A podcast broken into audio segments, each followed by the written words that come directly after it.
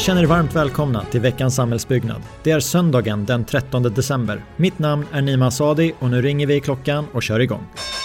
Uff, vilken uke det har varit. Uke? Japp, det är norska för vecka och det är lika bra att vi redan nu börjar vänja oss vid svorskan.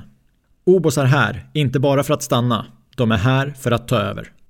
Vem hade trott att den norska motsvarigheten till HSB skulle vara det hetaste inom samhällsbyggandet när vi summerar år 2020?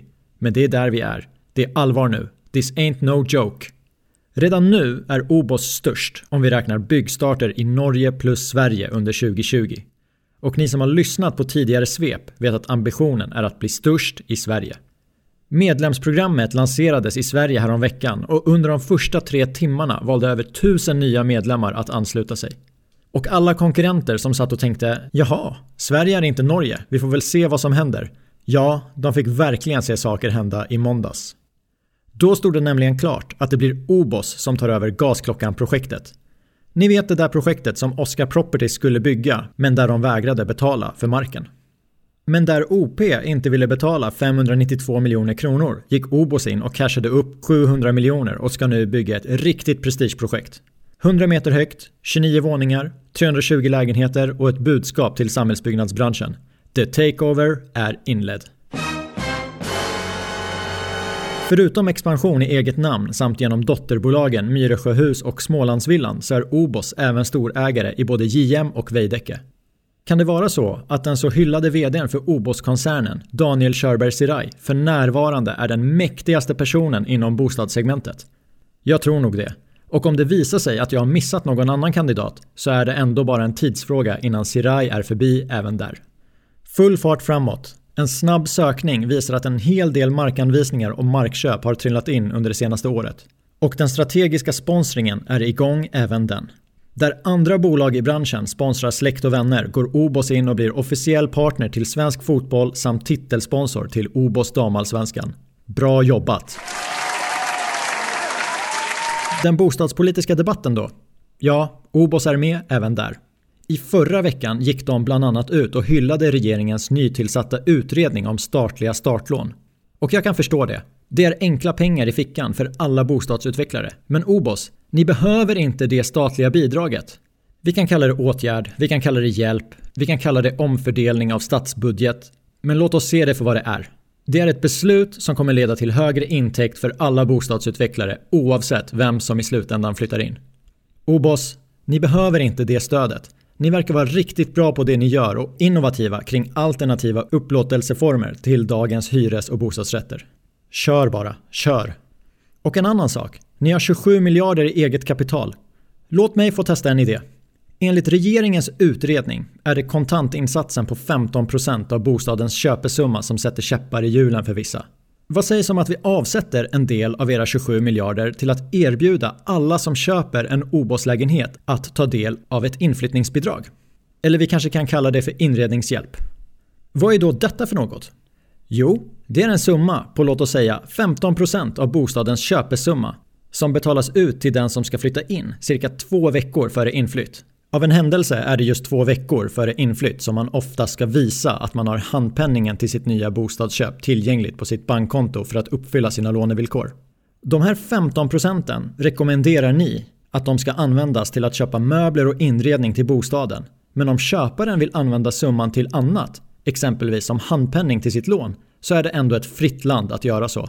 Alla som väljer att ta del av detta inflyttningsbidrag, eller den här inredningshjälpen, får ett litet påslag på bostadens månadskostnad under en begränsad tid. Låt oss kalla det för återbetalningstid. Och om man väljer att sälja bostaden tidigare än återbetalningstiden så finns det en klausul som reglerar det återstående beloppet. Detaljerna kan vi såklart slippa vidare på, men kan detta kanske vara ett alternativ till bidragshjälpen från staten? Jag är medveten om att det behövs lite justeringar och annat för att uppfylla lagkrav, men här snackar vi ändå en riktad insats till de som verkligen behöver hjälpen. Om ni redan har tänkt tanken så vill jag bara säga bra tänkt. Och om ni inte har tänkt tanken tidigare så finns det mer att prata om. Jag har massor av idéer. Hashtag samhällsbyggnadsentusiast. Daniel Körberg Siraj blev i veckan för övrigt klar för medverkan i hela kedjan i början av 2021. En toppenvecka för OBOS med andra ord. Låt oss fira!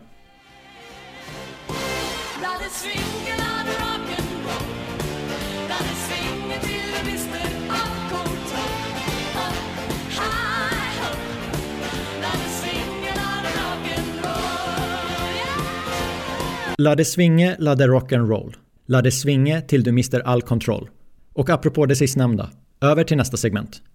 I måndags stamp nyheten ner om att Oscar Properties har tecknat en avsiktsförklaring om att ingå ett hyresavtal om en skolverksamhet i Nacka utanför Stockholm samt ännu en avsiktsförklaring om att köpa en bostadsportfölj i norra Sverige för 110 miljoner kronor.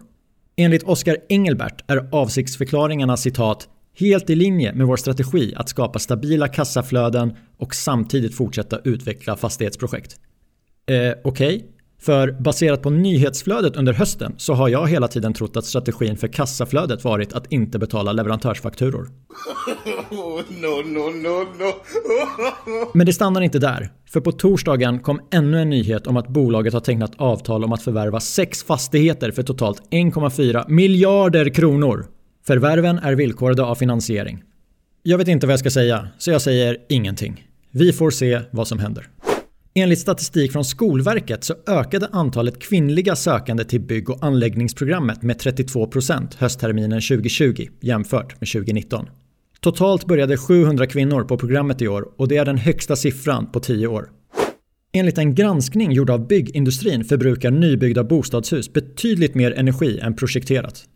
Granskningen som fokuserat på två områden, Vallastaden i Linköping och tre etapper av Norra Djurgårdsstaden i Stockholm, visar att snittet är 20% högre förbrukning jämfört med det projekterade värdet. Men det är väl för att alla boenden har sina fönster öppna hela tiden? Skoja bara. Men det är ju den klassiska ursäkten man ofta får höra och sedan är det slut på diskussionen. Helt sjukt, men det är tyvärr där vi ofta hamnar. Bra initiativ byggindustrin och jag hoppas ni får fin feedback på era artiklar. Jag blev riktigt glad över att frågan togs upp. Branschen behöver verkligen det här. JM skapar tillsammans med SSF-stiftelsen och KK-stiftelsen ett JV-bolag för förvaltning av hyresbostäder. JM överför fem fastigheter med 418 bostäder till det nybildade bolaget till ett värde av drygt en miljard kronor. Målet är att bolaget ska växa och genom affären vill JM framöver även vara med i kampen för fler markanvisningar för hyresrätter. Dagens topp 3 listar några takeaways från byggchefernas machoindex år 2020 där totalt 2040 personer verksamma i samhällsbyggnadsbranschen har svarat. Nummer 1. Enligt rapporten hamnar machoindex inom samhällsbyggnad på 46%. Nummer 2. 32% av de tillfrågade anser att vi i branschen sällan eller aldrig säger ifrån vid oacceptabla beteenden. Nummer 3. 8% av de tillfrågade männen anser att kollegor och chefer ofta eller mycket ofta agerar tvärt vad de säger är viktigt. Bland kvinnorna är samma siffra 22%. Rätt stor differens ändå. Rapporten hittar ni på byggcheferna.se. Inget nytt hela kedjan den här veckan så ni får istället välja bland de 84 avsnitt som ligger uppe sedan tidigare. Förhoppningsvis släpps det ett nytt svep före jul. Vi hörs, ciao!